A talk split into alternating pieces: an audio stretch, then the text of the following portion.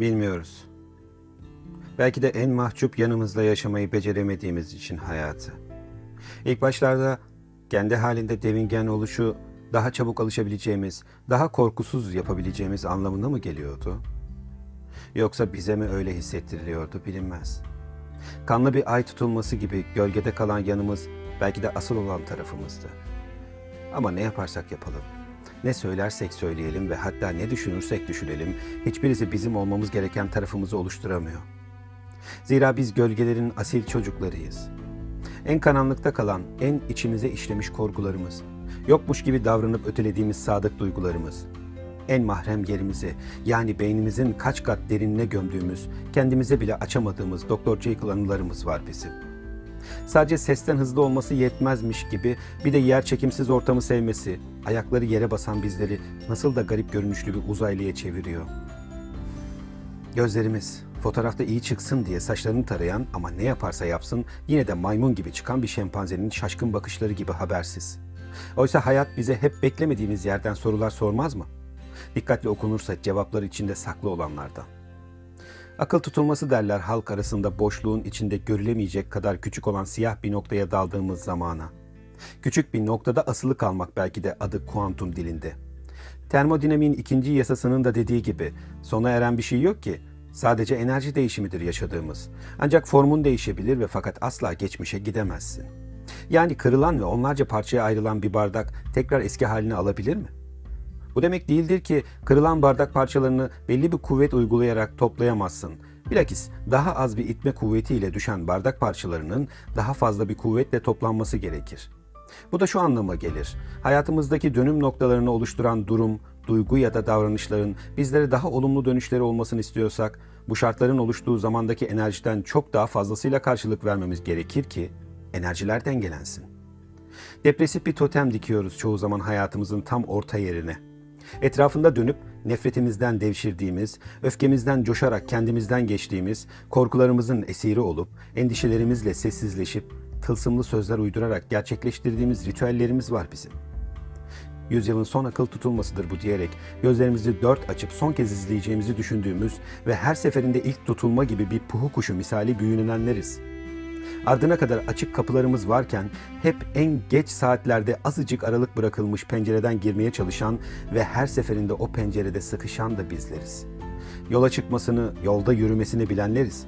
Lakin hep azıksız çıkmayı adet edinenleriz. Akıl tutulmasına son 3, 2, 1.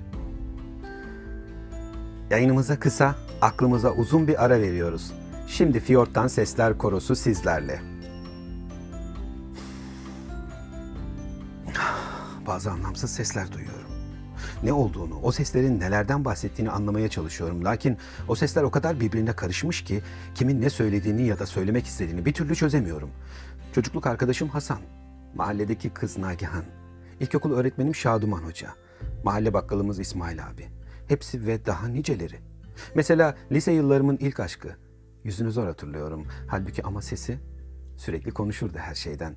Nereden bulurdu bu kadar konuyu ve nasıl da iştahlı ve hararetli anlatırdı her olayı. Adı neydi? Dur bakayım. Yok. Hatırlamıyorum. Ne acı değil mi? Bir zamanlar dünyanın onun yüzünden döndüğüne adım kadar eminim. Geçen gün kitaplığımı karıştırırken eski bir defter geçti elime. Bir şeyler karalamış atmaya kıyamamışım. Kaldırmışım yine diye düşündüm önce. Sayfalar açıp baktığımda küçücük bir tarih dikkatimi çekti. 23 Aralık 1976. İnsan ne zaman yaşlandığını anlar biliyor musun? O tarihi gördüğüm zaman yaşlanmadım ben. Yaşlandığımı hissettiren geçen bunca zaman değildi. Yaşlandığımı bu kadar meraklı olduğum ve bu kadar hayata karşı beklentilerimin fazla olduğu zamanları o deftere gerçek anlamını bile sonradan öğrendiğim kelimelerle yazmaya çabalamamdan anladım.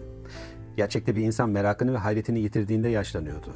Beklentilerini ve beklediği insanları en aza indirdiğinde, içinden yapacak ya da söyleyecek hiçbir şey gelmediğinde, ne çok şey yazmışım meğer o deftere. Bak mesela şöyle bir şiir yazmışım. Hep böyle kal ister, dünya değişsin, ister kainat. İsterse hiç insan kalmasın hayatta. Ama sen yaşa ve hep böyle kal. Kim bilir, belki de sonradan nefret etmişimdir bu şiiri yazarken düşündüğüm kişiden. İnan kim olduğunu bile hatırlamıyorum ama belli ki değer verdiğim birisiymiş. Sahi söylemeyi unutuyordum. Defterin içinden bir de resmim çıktı o günlerdeki halimi unuttuğum anda bana hatırlatacak cinsten. Ne kadar da tipsizmişim dedirtecek ama ne kadar da saf ve içten güldüğümü tekrar gördüğümde bu düşüncemden utandıracak bir fotoğraf. Hayatla ilgili bir sürü hayali olan, başarmak için biraz ürkek ama heyecanla o zamanın gelmesini bekleyen, adeta 43 yıl sonraki bana bir meydan okuma gibi ve bir o kadar da kararlı bakışlar. Saf ama kararlı. Ne oldu da 43 yıl sonraki ben bu kararlı gözleri kaybettim? Hangi sokaktan geçerken yanlış yola saptım? Ve en vahimi kimlerle neler yaşadım da kendimi bu labirentvari zihin sarmalına hapsettim? Son günlerde sesler duyuyorum biliyor musun? Anlamsız olduğunu düşündüğümden mi yoksa gerçekten bir anlamı olmadığından mı bir türlü yorumlayamadığım sesler. Bu sesler dışımda olsa çoktan duyardım. Lakin içimde ve o kadar çoklar ki sürekli aynı şeyi tekrarlıyorlar. Ne söylemek istediklerini bir türlü çözemiyorum. Galiba yaşlanıyorum. Bir insan yaşlandığını ne zaman anlar biliyor musun? Geçenlerde kitaplığımı karıştırırken eski bir defter buldum. Bir şeyler karalamış ve atmaya kıyamamışım. Önce öyle düşündüm. Sonra sayfaları açıp baktığımda küçücük bir tarih dikkatimi çekti. 23 Aralık 1976. İçimde bazı anlamsız sesler var. Sürekli bana bir defterden bahsediyorlar. Hayret. Böyle bir defterim olduğundan hiç haberim yoktu.''